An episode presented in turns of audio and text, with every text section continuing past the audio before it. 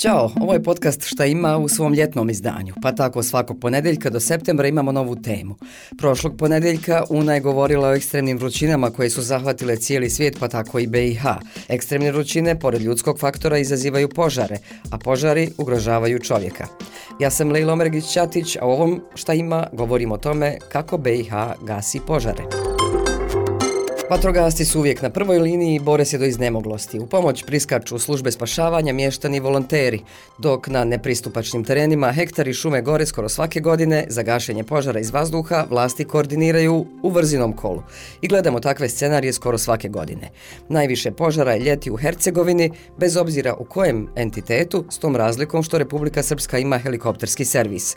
Sredinom jula se oglasio zapovjednik profesionalne vatrogasne postrobe Mostar, Petar Jurić, sa informacijama godinama da su nedovoljno pripremljeni za požarnu sezonu. Profesionalna vatrogasna postrojba jedinica grada Mostara nije pripremljena za požarnu sezonu onako kako je mogla biti pripremljena. Nama trenutno nedostaje i vatrogasnih vozila i nedostaje nam i ljudi. Nedostaje nam suštinski da vatrogasci mogu odlučivati o tome šta im treba.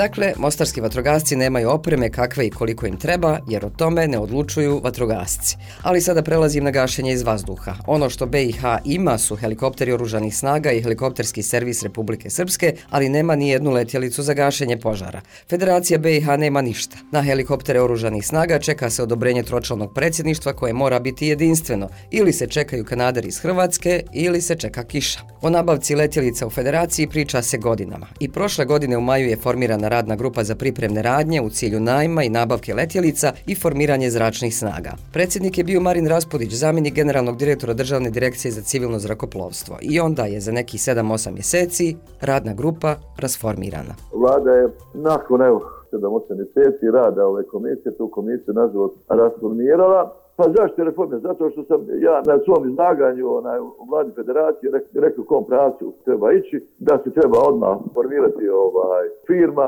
imenovati direktora, zamjenika direktora, dati im sva oblaštenja, krenuti taj proces edukacije, nabave. Mi da uvijek krenemo trebamo dvije godine ovaj, da je edukaciju pilota. I šta je onda bilo?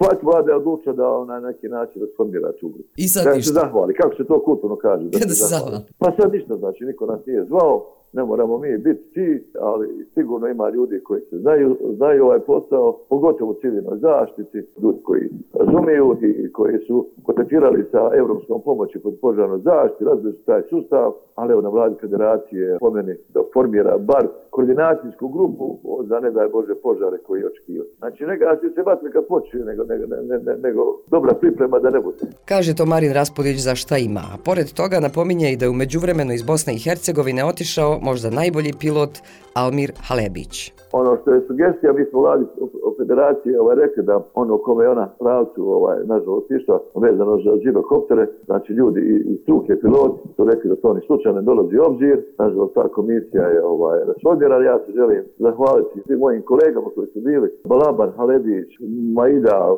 ajde da nekoga ne zaboravim, nažalost, kolega, kolega Halebić, koji je jedan od najboljih pilota, ko ne najbolji, otišao u Ameriku na edukaciju, nije nažalost, nego na njegovu sreću, ali mislim da ima dovoljno prostora da se krene u taj projekt.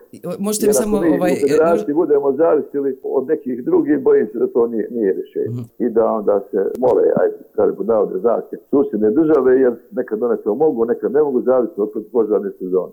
Prošle godine 6. septembra su tadašnji ministar sigurnosti Selmo Cikotić i evropski komesar za krizni menadžment Janez Lenarčić potpisali sporazum o pristupanju Bosne i Hercegovine mehanizmu civilne zaštite Evropske unije. Sporazumom će, navodi se, država lakše moći zatražiti pomoć zemalja članica Unije te još šest drugih zemalja u slučaju prirodnih katastrofa i direktno aplicirati za projekte EU. Tada smo od ministra Cikotića čuli da bi letilice za gašenje požara morale biti nulti prioritet. Ja mislim da bi bilo dobro da nabavimo adekvatne letilice za gašenje požara, jer je to jedno od pitanja sa koj, ili problema sa kojim se suočavamo svake godine.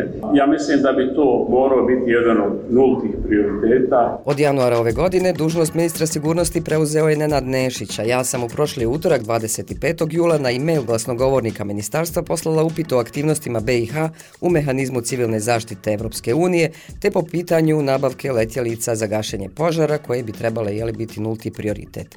I do danas nisam dobila odgovor. Još jednom, Marin Raspudić. Koliko može ovaj mehanizam civilne zaštite može. Evropski? Pa sve do nas, sve do nas. Sve u svemu, nadajmo se da ove godine neće biti požara, naročito ne onih koji zahtijevaju djelovanje iz vazduha. Jer tada, kao i do sada, ostaje nekoliko izlaza. Trenutno jedinstveno odobrenje predsjedništva za korištenje helikoptera oružanih snaga, helikopterski servis Republike Srpske, kanader iz Hrvatske i, kako to ljudi kažu, kišne dove ili molitve. Sretno i čujemo se u naredni ponedjeljak na istom mjestu, znate već gdje smo. Ćao!